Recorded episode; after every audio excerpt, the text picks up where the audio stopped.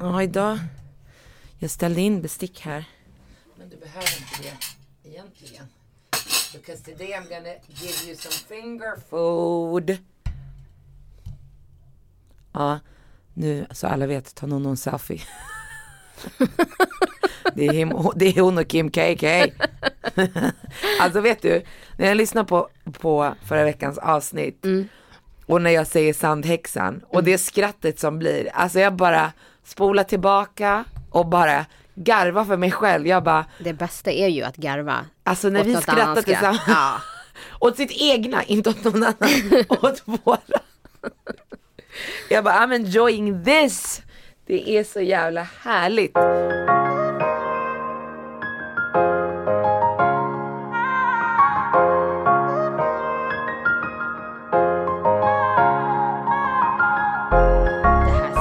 Väldigt smarrigt ut måste Ja. jag säga. Vad bjuder du på idag? Idag bjuder jag på en kyckling slider. Mm.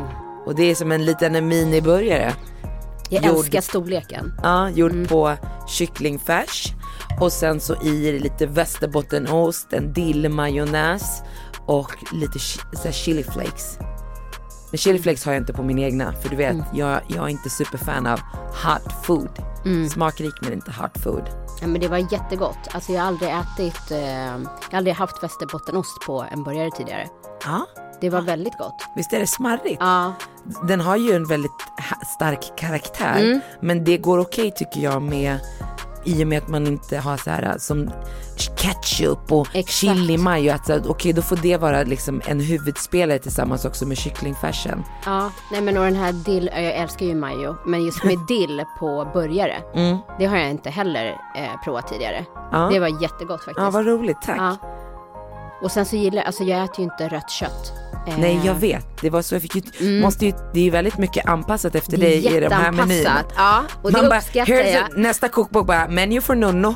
Nej men för ofta så brukar jag äta, om jag äter burgare med halloumi. Ja, Eh, men det här var jättegott med just att kycklingen, den är så himla saftig och liksom lätt. Den är inte tung. nej.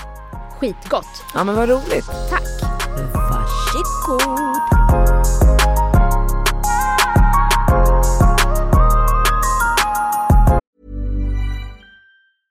I'm Sandra, and I'm just the professional your small business was looking for. But you didn't hire me because you didn't use LinkedIn jobs. LinkedIn has professionals you can't find anywhere else, including those who aren't actively looking for a new job but might be open to the perfect role, like me. In a given month, over 70% of LinkedIn users don't visit other leading job sites. So if you're not looking on LinkedIn, you'll miss out on great candidates like Sandra. Start hiring professionals like a professional. Post your free job on linkedin.com/people today.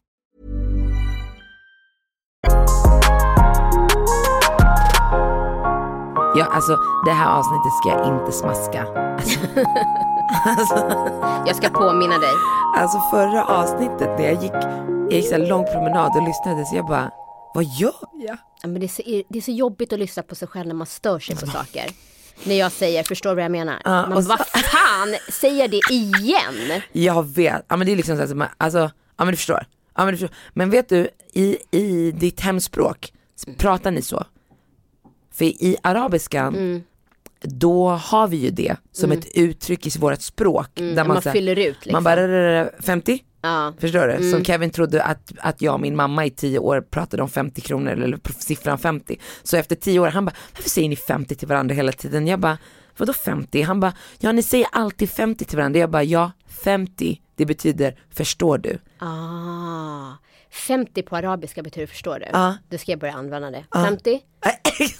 Okej, Exakt. ja, vi Ni- ersätter.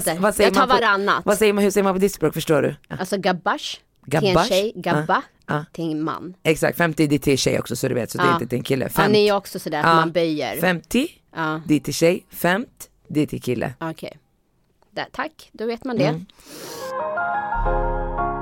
Alltså vet du Nono, Mm. jag har inte berättat för dig. Du kommer ihåg det avsnittet där jag avslöjade vad jag har ljugit om? Ja, med dina ringar. Så en, han, alltså vi kan ju avslöja Kevin, vi kan hänga ut honom tycker jag, för att han är ju ingen heavy listener. Nej, han kommer inte. Han är Nej. ju inte den som ger en pin i statistiken när man går. Kommer ju inte från honom. Ja, Eh, tur att inte podden hänger på han. Nej, tur är väl det. Mm. Men och så, han var inte hemma, han var och tränade. Mm. Så jag bara, men jag ska lyssna på avsnitt så jag lyssnar på tvn i sovrummet. Mm. Och sen så, han höll på att duscha efter träningen och allting och jag lyssnar. Mm. Och jag bara, och jag ville verkligen höra, hur hade jag berättat det här? Var jag ödmjuk eller var jag Mm. bara, du vet, vem, för ibland vet jag inte hur jag är, så här, Mm. vem bryr sig? Alltså det är inte, jag kunde lika väl. Alltså när han kom in, Mm. han bara tittade på mig, han bara, du skämtar eller hur? Ja, han hade hört. Han hörde från badrummet. Ah. Han bara, du skämtar eller hur? Jag bara, va? Alltså, eh, vad menar du? Han bara, så vadå? Du snurrar in i en jävla t-shirt och sen slängde du in det i barnens rum. Och sen fortsätter du, det, det berättar du inte ens i podden. När jag går ur sovrummet och lägger mig i vardagsrummet för du har varit så jävla otrevlig, då kommer du efter mig och fortsätter bråka och ber inte ens du ger någon whack ursäkt. Han bara, jag är så jävla förbannad, jag men sluta älskling. Men jag försöker göra din Du bara taktik. förstör inte stämningen. Ja, det var den jag försökte, men sluta älskling, det här är länge sedan, förstör stämningen. Kolla vilket bra avsnitt det blev på grund av att jag ljög för dig. Så, Va? Vet du hur mycket lyssningar vi har fått för att jag ljög för dig? Jag bara, glöm inte, Nonno ljög att hon hade käkat bröd. Hur har din vecka varit? Jo men den har varit bra. Mm. Jag skulle ha så här heavy work week med, med massa inspelningar. Det skulle vara så här plåta inspelning, det här. Mm. Och så fotografen var lite krasslig så kände jag bara, jag får stanna hemma. Ja, I dessa tider. det är, såna, det är Man bara, va? Eh, nös du?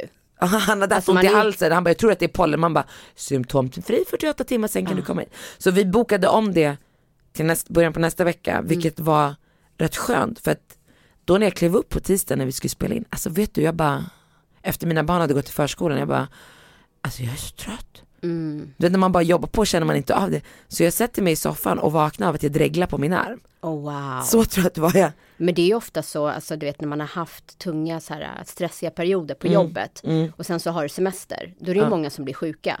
För att man liksom, kroppen bara stänger av. Alltså jag, jag vill inte bli sjuk så jag vilar bara halvt och sen Nej, så nej. går jag på sexans växel igen. Ja. Men, men, Nu har ju inte du semester. nej. Du hade en ledig lucka. Du vet, du vet när man vaknar så dreglar det så man bara kollar ut, man har fortfarande pyjamas jag har tvättat ansiktet, jag har ingen aning. Man känner sig så crackig bara. Borsta tänderna när klockan Och är så tre. barnens persienner är neddragna, man bara nej men det här är inte bra.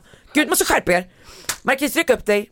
Men så jag har haft en rätt skön ta igen vecka. Min revisor var bara så här, vet du vad, skickar du inte in grejerna nu Marcus, då kommer det komma något elakt i brevlådan. Jag bara, ah! Wow! Det är så man blir livrädd. Hur har din vecka varit?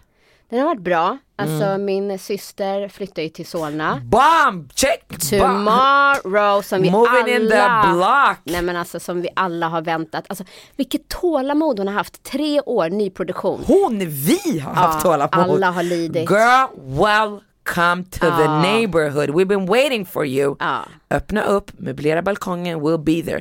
Först tog vi Lea när Ja. hon flyttade in. Oh, let's make this a girl pal. Ja, du? och det var nästan ett år sedan. Ja. Förstår du? Hängde hos henne och bara, nu är det stängt corona, då flyttar vi in, då hänger vi hos Lea. Nu är det bara, hej då Lea. What up baby?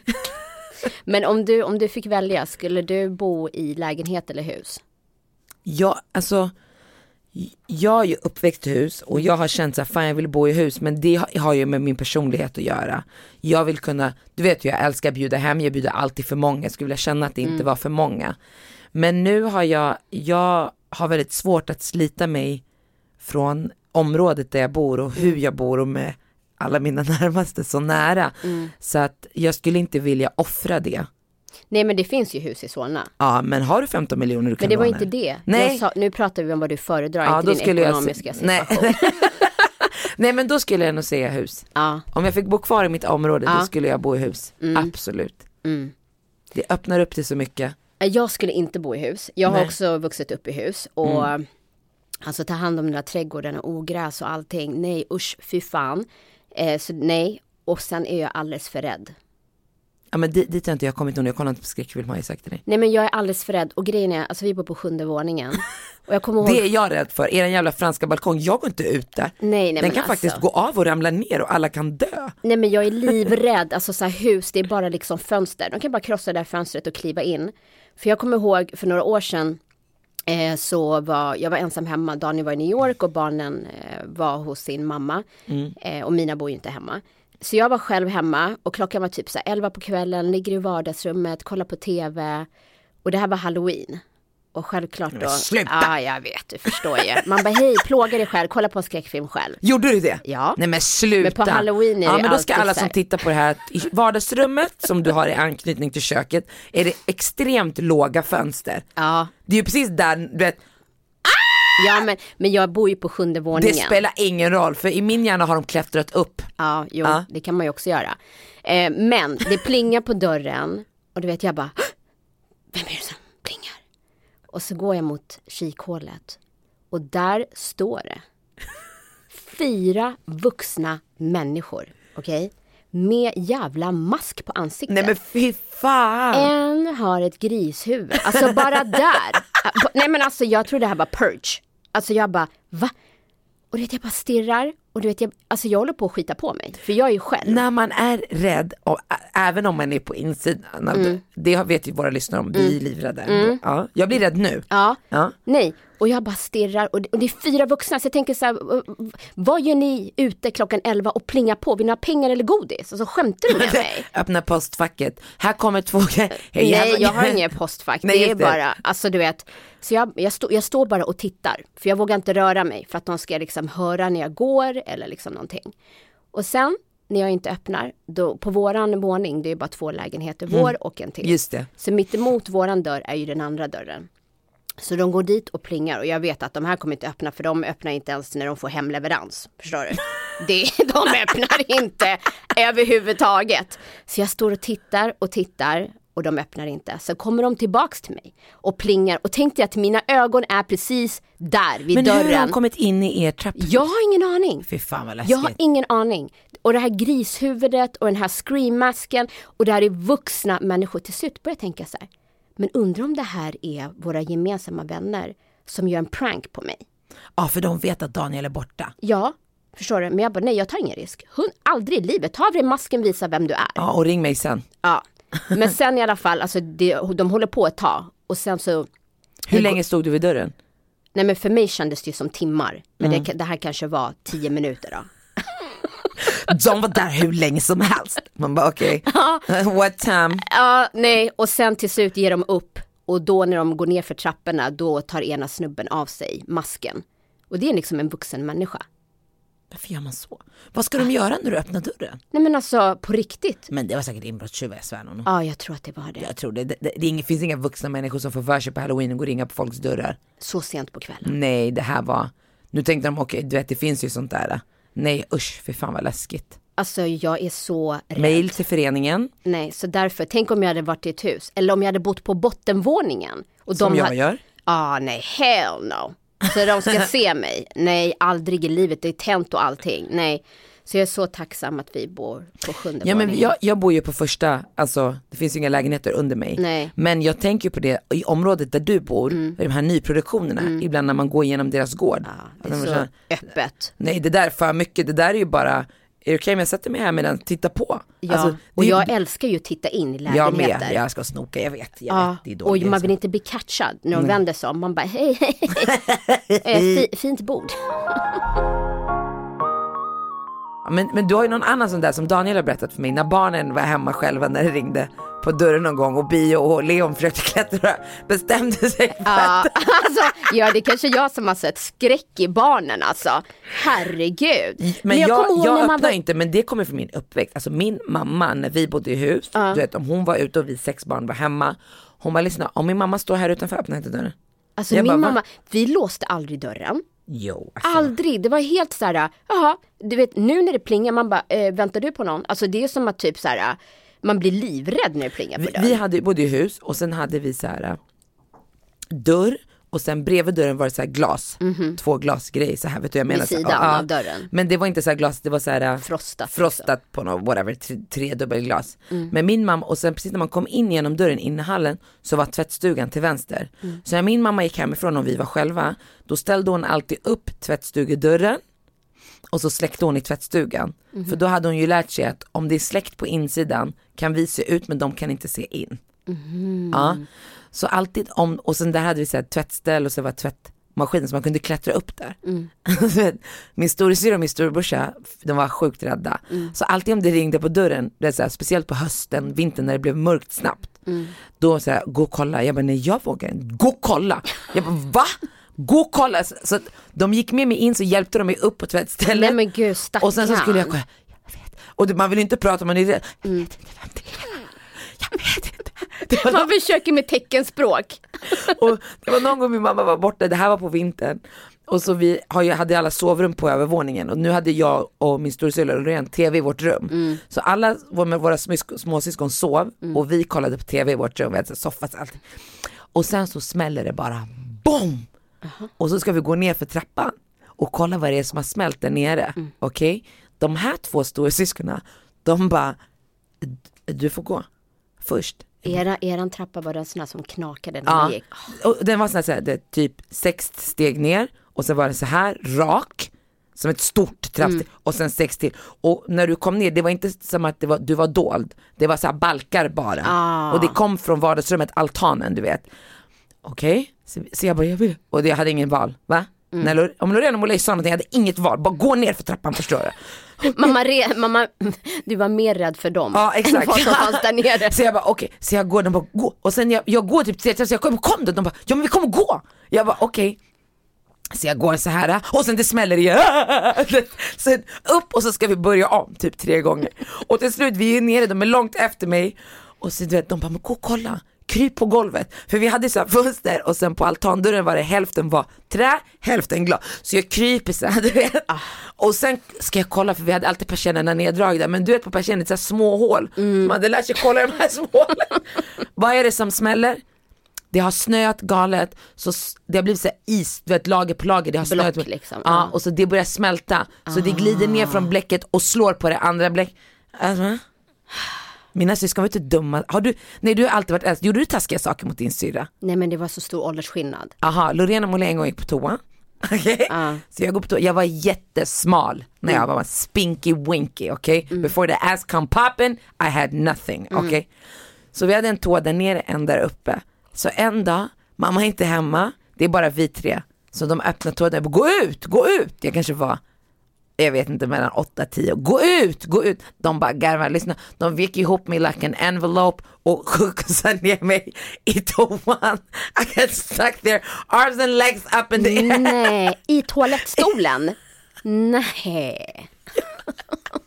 Nej, alltså It min, was rough growing up och vara middle kid alltså.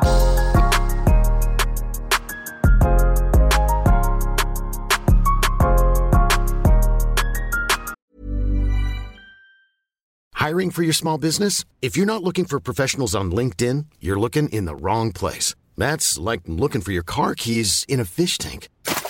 LinkedIn helps you hire professionals you can't find anywhere else, even those who aren't actively searching for a new job but might be open to the perfect role. In a given month, over 70% of LinkedIn users don't even visit other leading job sites. So start looking in the right place. With LinkedIn, you can hire professionals like a professional. Post your free job on linkedin.com/people slash people today.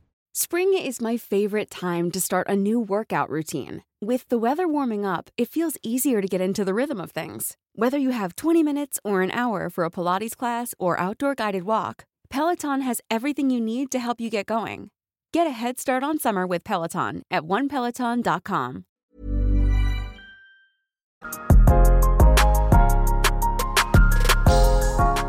men jag, jag tror ju att jag har blivit så här rädd för att när jag var yngre då kollade jag på en serie, en miniserie som eh, heter Bangkok Hilton med Nicole Kidman. Och då skulle ju hon åka hon var från Australien och jag tror att hon hade fått reda på typ eh, att hennes pappa var död hade de sagt sedan hon var liten.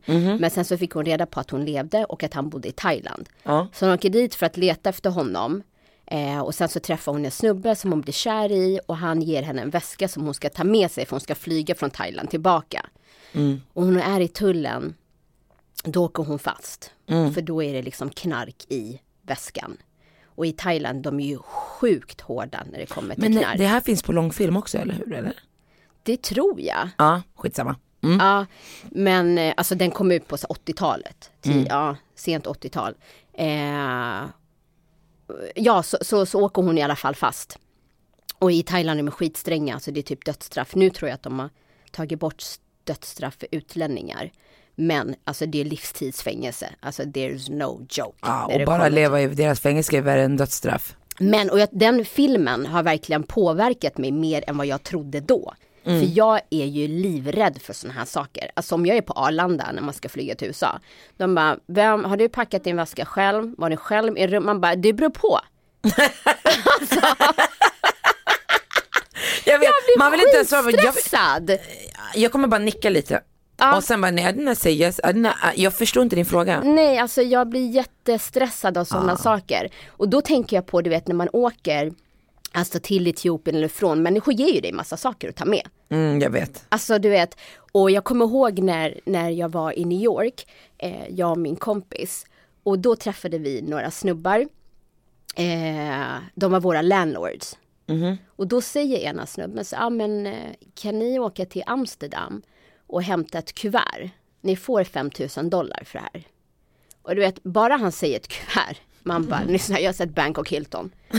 Förstår du? That shit is not gonna go down. och när jag kollar på min kompis, hon har tydligen inte sett Bangkok Hilton. Ja. För hon tog det väldigt positivt. Jag bara, alltså är du född igår?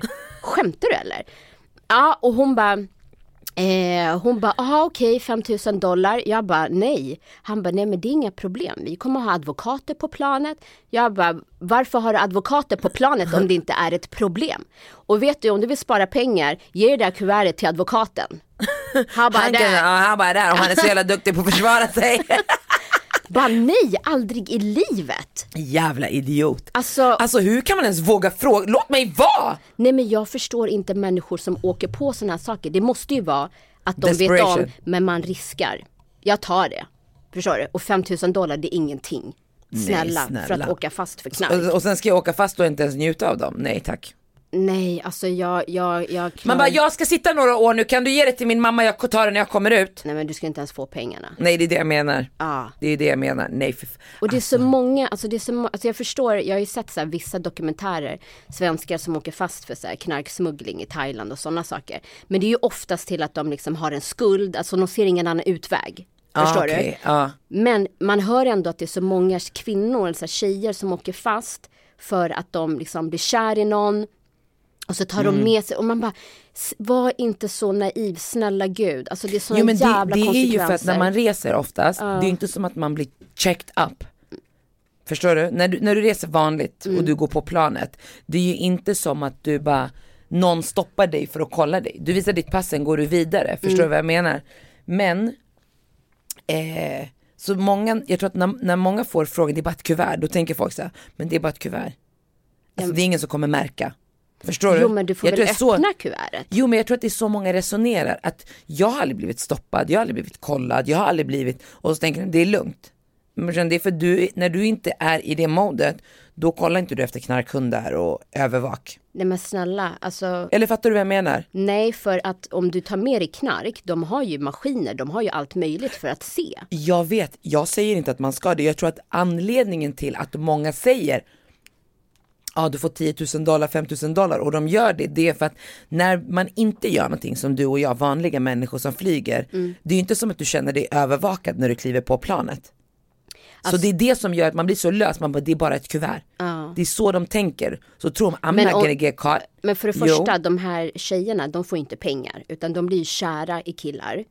Och sen så tar de bara med sig för att vara Mm, schysst. för de lever luxury. Ja, nej men alltså vad jag menar på de andra, Mm. där du får pengar, där borde ju du ana att det är knas. Ja exakt. För det är inget som, alltså om du ska skicka ett kuvert och du ska få 5000 dollar för det, då är det billigare för dig att skicka UPS.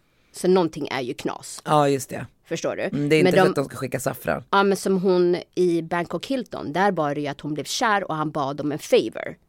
Mhm. Och hon tog med sig. Jävla idiot.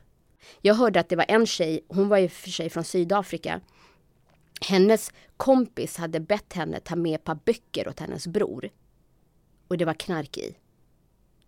Så hon åkte fast, hon var gravid, födde sitt barn i fängelset. Och sen när hon, ungen var tre år gammal, då skickade, då får inte barnen vara i fängelset. Vänta, så barnet var i fängelse? Hon födde barnet i fängelset. Men sen då tog de inte bara ut honom? Nej, alltså då, barnet får vara där upp till tre år. Och sen fick hon skicka sin... Vadå, har hon special room då eller? Nej men alltså det är ganska alltså, vanligt alltså, Hade i sådana an- att man barnen, alltså jag, jag tror att det var Så vart går någonstans de i på förskolan? Sydamerika, där, ba, där är det inte ens bara till tre år. Du kan alltså vara äldre och bo med din förälder i fängelse. Du går till skolan, sen kommer du tillbaks, går in i fängelset med din familj. Det här var det sjukaste. Ja, så när ungen fyllde tre år, då skickade de till Sydafrika. Och sen, ja, och sen efter hon hade suttit i jättemånga år så kungen, eh, jag tror att det är så här på hans födelsedag så får han välja vissa eh, personer som får släppas fria. Vilket land var det sa du? Det här var i Thailand, men hon Okej. var sydafrikan. Ah. Wow, Ja, så då och- blev hon frisläppt. Ja, exakt. Så att, eh, och då var det ändå hennes polare som hade gjort det här och det var böcker. För hon hade tittat igenom men på något sätt hade de lyckats liksom gömma knarket ändå. Usch vad hemskt. Så läskigt. Ja, jag litar inte på dig. du kollar på för mycket på sånt här för att få för dig skit. Jag kommer aldrig glömma när jag var i New York. Och ibland när jag flyger och det är sån tidsskillnad, då får jag galen migrän. Okej? Så vi åker, vi flyger till New York och jag känner när vi, innan vi kommer fram, okej nu börjar migränen kicka in och den var så här extrem. Okej? Och då hade de pratat om skitlänge vi ska gå på Nobo, okej? Så vi, det är jag, det är Kevin, hans bror, ah, vi är några. Och jag bara lyssna, föna mitt hår, fixa mig, klär upp mig. Jag bara alltså jag kommer spy. För så ont i huvudet hade jag. Det, det är sällan jag har det men om det går dit. Vi kommer in dit, jag bara nej. Så jag kommer in, jag bara, jag har åkt taxi, du vet hur de åker där också. Så vi kommer fram, jag bara let's get it poppen, förstår du? Jag går in och då precis när jag kliver av taxin och vi kommer in så går man upp till restaurangen, där nere finns toaletter. Jag bara, jag går, går upp innan mig, jag kommer. Så jag går på toa, så jag spyr, okej? Så jag bara nej jag måste äta och du vet syrlig mat, du vet yuzu, bam bam, tonfisk. Liksom när det kommer in, mina ögon bara är lycklig. Let's eat this shit. Men efter jag har ätit, smakat på några grejer och mitt huvud bara dunkar, dunkar. Jag bara nej jag kommer spy igen. Jag måste gå härifrån. Jag känner hur jag är alltså borta. Och då hade jag inte hjärta att säga till Kevin, du måste följa med mig till hotellet. Så jag bara går ner på, jag bara okej jag har skitont i huvudet, jag kommer röra mig hem. Och jag bara ser Carrie Bradshaw moment is going out the window. Förstår du? Va? Ah. Så då går jag ner och jag ska ta taxi. Och Kevin bara stoppar en taxi. Är du säker jag jag ska inte åka med dig? Nej jag det är ingen fara. Jag åker till hotellet. När han stänger taxidörren och det här är min första gång i New York och jag sitter själv i taxin och jag mår så dåligt så att jag knappt kan titta, jag ser ingenting. Då kände jag bara shit is gonna go down. Det är nu, Det är nu dörrarna låser sig. säga. Och jag vet inte vart vi ska. Och jag, du vet, det är en sak om man åker i en stad som man känner till. Mm, som är bekant. Exakt. Ja. Här är bara höghus. Every street look the fucking same. Mm. Förstår du? Och han kör och kör och jag känner bara hur, du vet, jag är jätteduktig på att jaga upp mig själv. Ja. Okej? Alltså jag börjar jaga upp mig, jaga upp mig, jaga upp mig. Och till slut to two blocks from where, där jag känner igen mig. Jag bara, you can stop here, you can stop here. Han bara, but we have two more blocks. Jag bara, okay you can go one block. Lyssna på mig. Alltså Nono, jag aldrig mått, och han körde, jag mådde så illa. Jag var så rädd. Och det är så här trafikljus vid varje block. Ja, så här. ja, det är bara gasa, bromsa, Ja, gasa, bromsa. Exakt. Och jag bodde i, på, i Soho på ett Mm. jättefint hotell. Det var verkligen så här New York, verkligen. Mm. Så till slut, jag bara, han, till slut kommer vi fram i alla fall. Jag känner igen mig du vet. Så jag bara, okej okay, you can stop here. För jag bara, nu måste jag kräkas. Mm. Så jag går ut, lyssna, uppklädd, alltså fixad, klackar allting. Så det kommer folk, jag bara, jag kommer spy, jag kommer spy. Så jag låter dem gå förbi när de har gått långt. Jag spyr mellan två bilar. Så jag går, och du ska veta när du ska gå in till hissen, det är långt. För först du ska walk through like a garden, där de har så här brunch och bla, bla, bla. Sen är det långt från repan in till hissen och jag bara, hur ska jag klara mig? Så från taxin mellan bilar, bara kräks i någon blomma ut. Äh, fy fan. Och sen jag klarade mig, alltså jag mådde så dåligt. Och sen jag bara fy fan, jag, må, jag må, tyckte synd om mig själv också. När jag kommer upp i hotellet att jag ska ta en dusch nu, så från vårt fönster så ser man Brooklyn Br- Bridge, alltså allt jag bara, ah, i alla fall den här utsikten. nej men alltså jag, jag kommer ihåg när jag var i New York och så eh, hade jag varit i Queens tror jag, tog en taxi därifrån. Och sen från ingenstans, jag blir så kissnödig. Du vet. Och jag bara okej, men jag, är alltså, jag har ju flygit från New York och jag varit kissnödig i New York. Hållt mig, för jag gillar inte att gå på toaletten på flyg. Nej, Och, och kissat när jag kommit fram i Sverige. Förstår det är du? åtta timmar, det är jättefarligt. Ja, exakt. Så jag bara, men det är lugnt, jag kan hålla mig. Den här taxiresan kanske 20 minuter. Den kommer så brutalt hårt, Marquis. Så jag börjar liksom åla mig där bak i sätet. Såhär. hemskt. och du vet, bara, du vet, eh, heter, bara klämmer och klämmer och klämmer och försöker tänka på någonting annat. Men jag kan inte sitta still, du vet. Ja. Sen till slut, på riktigt, jag bara överväger, jag bara, jag kissar här. jag bara, nej men alltså det går inte. Jag bara, jag måste kissa här. Jag, jag, jag, och sen så tänkte jag att jag skulle liksom haka, liksom gå ner så att jag skulle kissa där man har fötterna. Ja du? just det, på plasten. Mm. Ja. Och jag bara, nej det är plast, han kanske kommer höra mig. Förstår du? Så jag bara, men om jag bara sätter mig i sätet och bara, Bara kissar. låter det get wet. Ja, låter bara. Så jag bara, men tänk om, jag bara, hur mycket vatten har jag druckit? För tänk om det börjar lukta Du är urin. sjuk! Nej men alltså jag vet inte vad jag ska ta vägen. Så jag säger till taxichauffören till slut, jag bara, nej jag kan inte kissa i den här taxin. Alltså, För du börjar svettas. Nej, alltså jag visste inte var jag skulle ta vägen så till slut jag bara, du kan bara stanna här. Han bara, oh, we're on the highway. Du vet så här, jag bara, men alltså vad ska jag göra? Jag har sån panik. Jag bara, nej men alltså jag kommer på riktigt kissa på mig. I taxin, what the fuck liksom. Sen till slut när vi kommer förbi motorvägen, jag bara, ah, men du kan släppa, du kan släppa av mig här. Han bara, men alltså det är långt kvar. Jag bara, släpp bara av mig här. Förstår du? Och sen så bara, ger jag honom pengar. Han bara, men ska inte du ha växel? Jag bara, ta det bara. Förstår du? Och sen så är det liksom, människor går förbi och så ställer jag mig bakom, mellan två bilar precis som Ja dig. men det är ju du ett nötskal. Och sen så bara går är så du människorna går förbi. Ja, och sen så bara ner med byxorna och kissar. Tror inte kommer ett par. Jag bara I, I had to, I had to.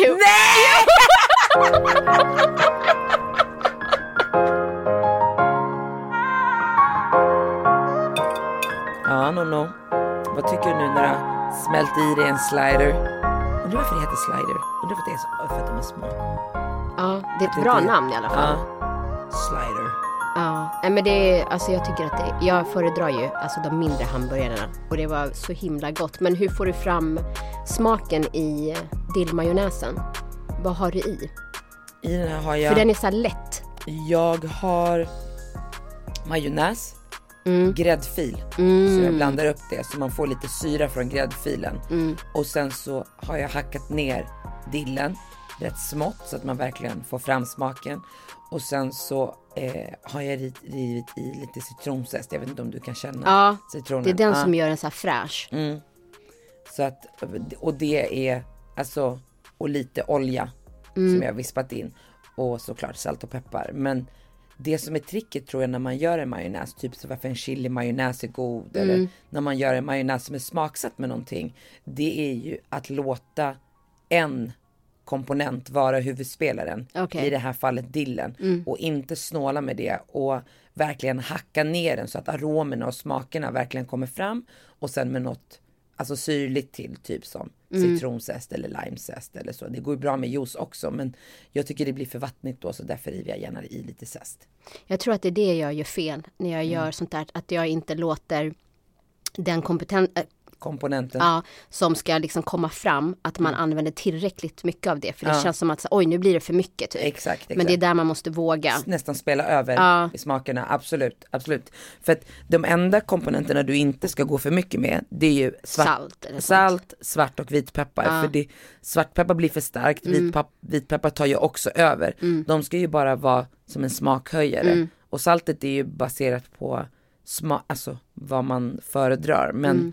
Men det är ju de tre som jag tycker att man inte kan gå för mycket med. Sen kan man vara olika känslig för, för Mm. Ja, det ja, starka. det är en smaksak. Mm. Men alltså jag tycker det är så svårt att hantera eh, kycklingfärs. Alltså Det det, är blir många så sjukt klibbigt. Men vi har ju pratat om det förut, att den, Ja. alltså, den är ju väldigt klibbig. Det är ju oftast bröstfilé som man maler ner liksom. Eh, och där är ju tricket att när man väl ska, for, om man ska forma de här burgarna, är ju att använda vatten när man liksom formar dem. Men jag gjorde, nu har inte jag gjort smashed på de här, de är lite tjockare.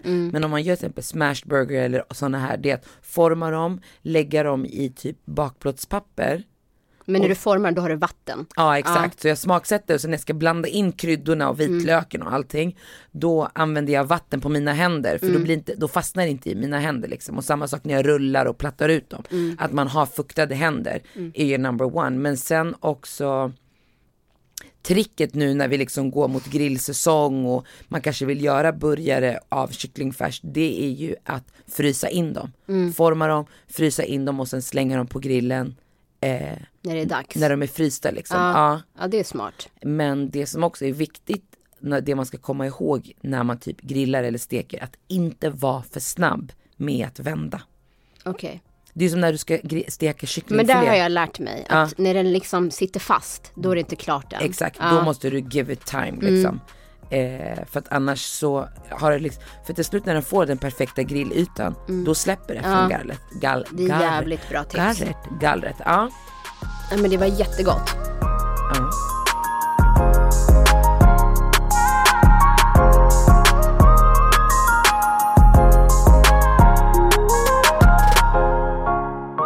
Nu det går någon serie på tv så här, gäng, du vet. Den heter typ gäng någonting. De pratar om det här gängbråken och morden som har varit i Göteborg, du vet. Och du menar när eh, eh, det var så här kvarterskrog Just det. och så var det några som sprang in eh, med alltså k-pistar typ. Mm. Ja, så kollade du på den? För jag berättade. Mm. Såg du när pappan bara, jag beställde dynamit. Ja, han, Han bara vilken han- tur att det inte kom. Ja, han bara jag ska spränga det här hela området i luften. Men det som jag tycker var, alltså jag har ju bara kollat första avsnittet, jag, jag tycker sånt där blir för tungt liksom. När det är barn och de är så unga och i den här dokumentären får man ju verkligen se de här pojkarna som fortfarande lever det här livet och de har ingenting att göra med den första konflikten. De som even started that bullshit in the first place, de lever inte ens. Ja, och grejen är hela Alltså orsaken till varför det blev krig mellan de här gängen. Det var för en det, tjej. det var ju för en tjej. För det var en kille, en gängmedlem Mm. som var tillsammans med tjej. Han åkte fast för något brott och åker in. Mm. Så det tar slut mellan dem. Och då blir hon tillsammans med en annan kille som också är i ett gäng. Och sen så sa ju han till den här killen som sitter inne. Det är en annan man i huset nu. Ja, det, det är tragiskt, verkligen. Att så många unga människor ja, inte hittar sin plats. Alltså, Ja, och jag känner liksom att det är så det är så många så här, ungdomsgårdar som försvinner. Mm. Alltså, man bara plockar bort så himla mycket. Mm. Eh, och alltså i den här serien så var det ju en fotbollstränare som verkligen är så här, hur gullig. ja, så en ängel verkligen som satsar och verkligen bryr sig om de här. Mm. Men han är en person. Eh, Så synd om honom när två killkompisar som har spelat i samma lag och typ vunnit Dana Cup. Mm. Och sen så går det bara några månader så har den ena skjutit den andra. så blev de fiender. Ja. Nej men det behövs verkligen en insats. Eh, och det ser man ju från kommun till kommun. Vissa kommuner där det finns eh, pengar, där satsar man hårt på ungdomsverksamhet. Och Mm.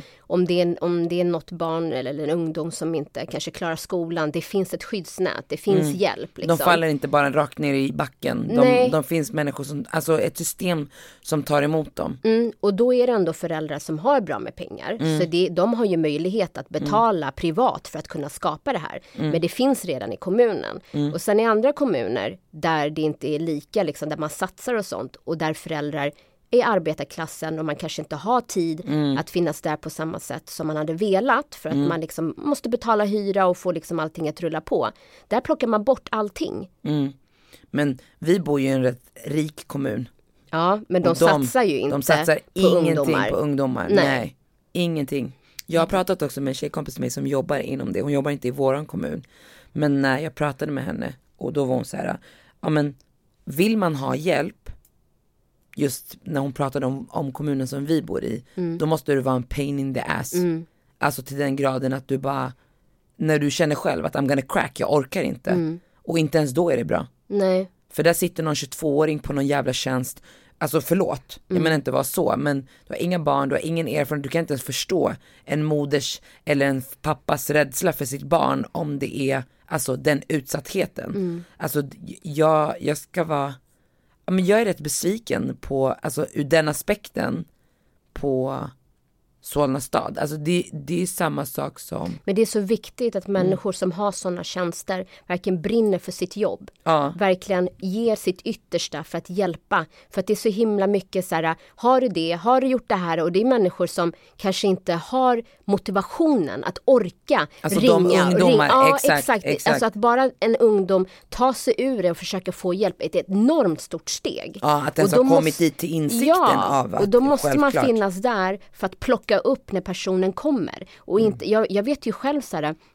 vissa situationer om det är så här Försäkringskassan och allt det, det. Det är en huvudvärk. ja det är ingen lätt match. Och då tänker liksom en ungdom som eh, kanske inte Har har livsglädje, ja. inte känner liksom att man är bra på någonting och man känner sig motarbetad, dömd i så mycket saker. Mm. Och liksom en vuxen människa inte är där och hjälper till. Mm. Utan snarare vill bli av med personen. Jo men också med hur det har blivit nu. När man tittar, alltså när jag växte upp i Västerås, då visste man om, på varje skola så satt det ju, eller den skolan där jag i alla fall gick, då satt ju, vi hade så tre våningar. På våningen längst upp, där satt den här enheten. Så man jobbade ju eh, alltså socialtjänsten då, eller vad, vad fan det heter idag, jobbade ju mycket tajtare med skolan för att fånga upp de här, där man tydligt kunde se signaler innan det gick åt helvete. Okej, men den är introvert, den är avvikande, den är inte tillräckligt på, på lektionerna. Man fångade upp dem så mycket tidigare. Så att innan ungdomar behövde be om den här hjälpen eller föräldrar skulle börja göra, för vadå, du, jag har två barn, jag har ingen aning vad jag skulle vända mig eller vad jag skulle göra om Leora när hon är 15 år skulle börja, alltså rö- jag har ingen aning, vart, vart ska jag vända mig med att hon skulle få en dålig relation till alkohol? Vart ska jag vända mig? Vem ska jag prata med? Vart, vart ska jag få hjälp? Det, man har ingen aning och nu med den här digitalisering och hemsida och inget besök, alltså det finns inte på samma sätt någonstans, you go and knock on a door and you get a face. Det är alltid någons namn på mail eller liksom, man har inte den där tryggheten, allt är så nära i att söka på det men så långt bort för nu har de bara telefontid mellan och ja, det, det, är så, det är så långt, vad gör du om det brinner här och nu och du ska rädda ditt barn eller din syster, bror, en släkting, where do you turn?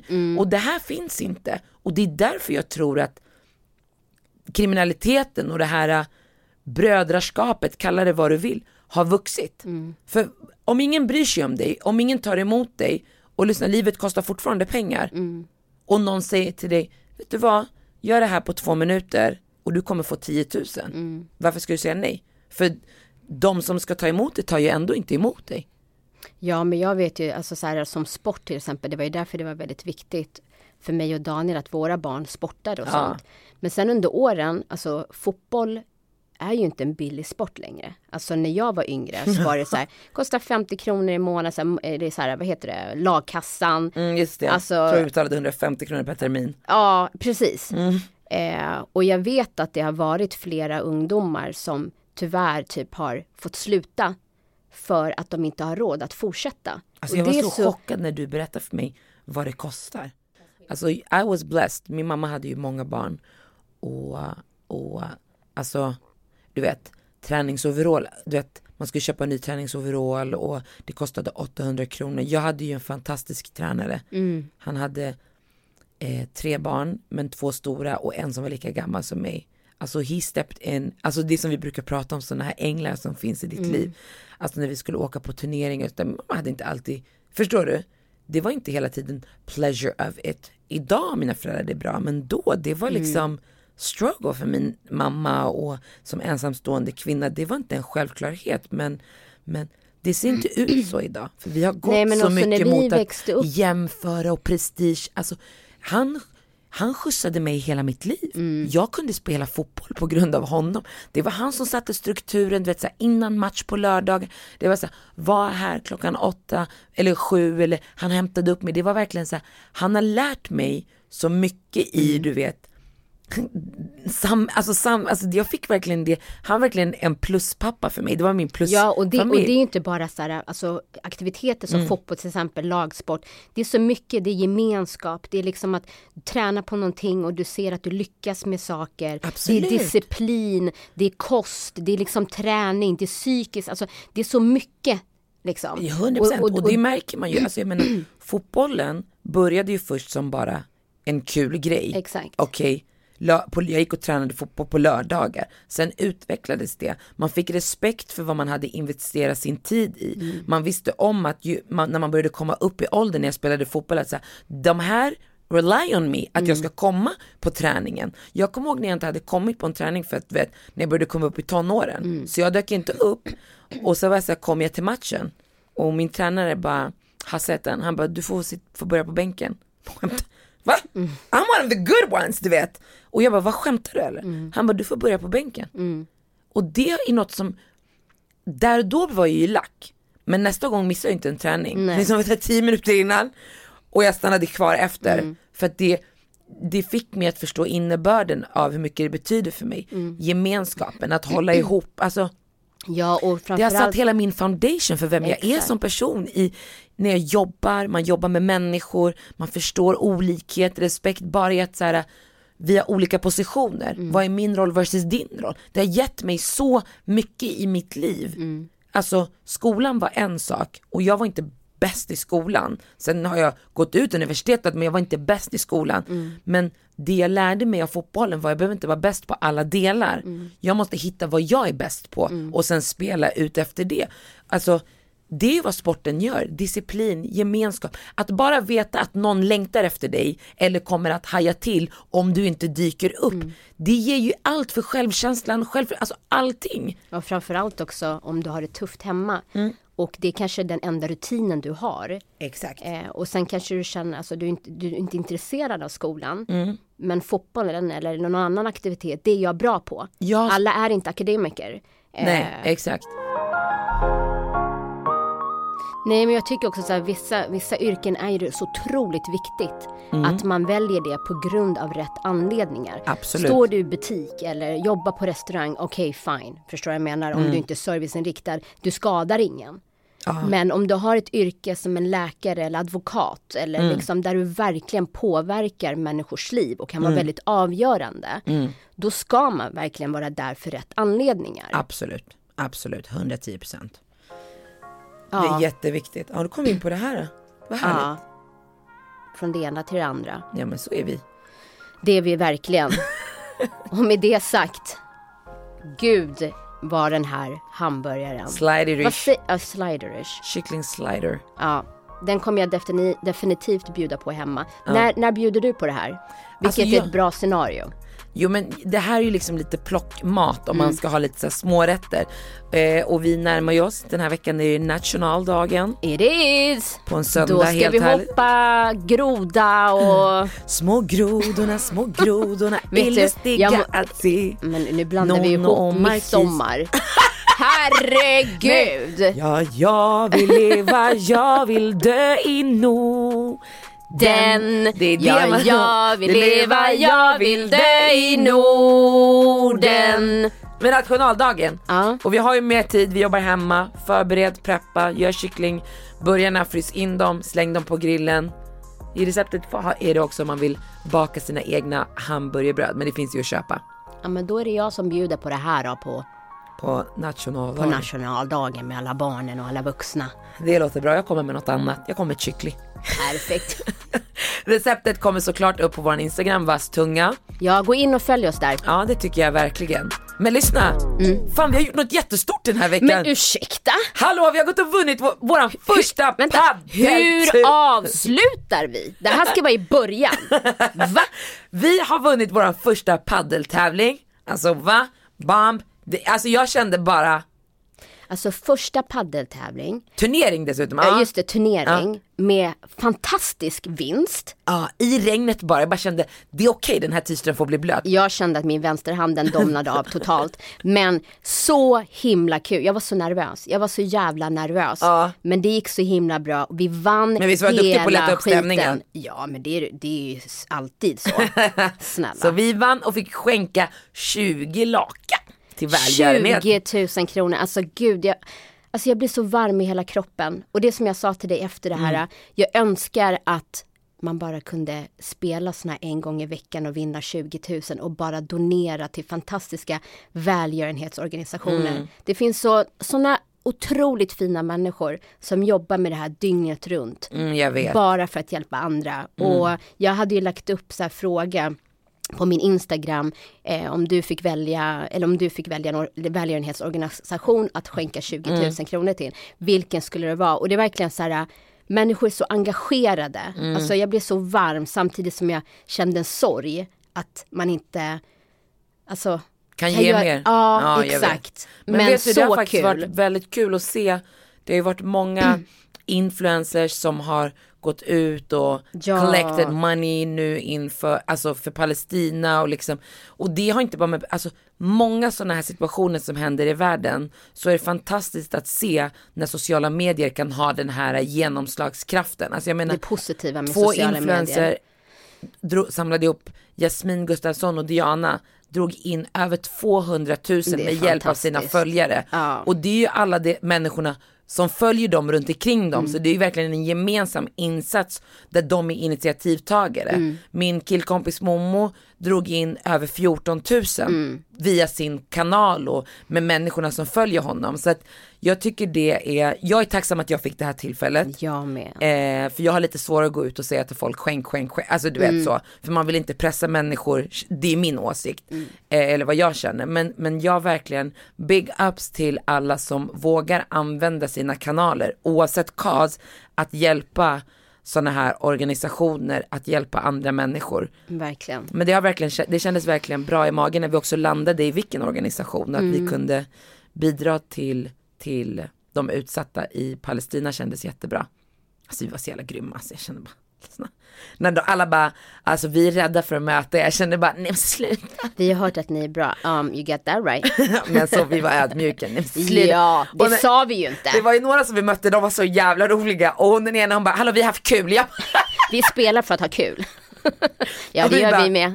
Vi är med ibland, inte idag. Nej, idag vi, är det på liv eller död. Kul. Nej. Alltså det var nu när vi spelade i onsdags också förra veckan. Lyssna, vi vann ju hela första 5-1. Ja, och sen när vi gick, sex, när vi gick in i andra och det läsa 3-3 och du bara, men kan du skärpa nu? Ja men vet du vad Lea sa? Hon sa så här, ja men det var ju för att ni eh, dominerade så mycket i första, då blir det att man inte tar det seriöst i andra. Det är bra att hon vet. jag bara, det var inte anledningen men okej. Alltså jag dör för det. Poppin stories. Ja, men det får vi ta i nästa avsnitt. Tack till alla som har lyssnat. Vi hörs igen om en vecka. Det Keep it poppin'. Sköt om er. Ciao. Puss.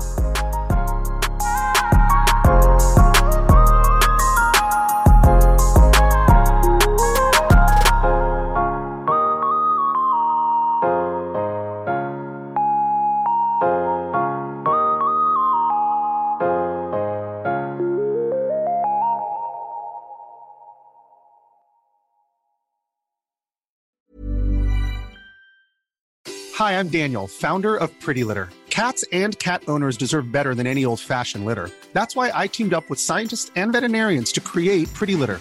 Its innovative crystal formula has superior odor control and weighs up to 80% less than clay litter. Pretty Litter even monitors health by changing colors to help detect early signs of potential illness. It's the world's smartest kitty litter. Go to prettylitter.com and use code ACAST for 20% off your first order and a free cat toy. Terms and conditions apply. See site for details. Hey, it's Paige DeSorbo from Giggly Squad. High quality fashion without the price tag. Say hello to Quince. I'm snagging high-end essentials like cozy cashmere sweaters, sleek leather jackets, fine jewelry, and so much more. With Quince being 50 to 80% less than similar brands. And they partner with factories that prioritize safe, ethical, and responsible manufacturing. I love that. Luxury quality within reach. Go to quince.com slash style to get free shipping and 365 day returns on your next order. Quince.com slash style.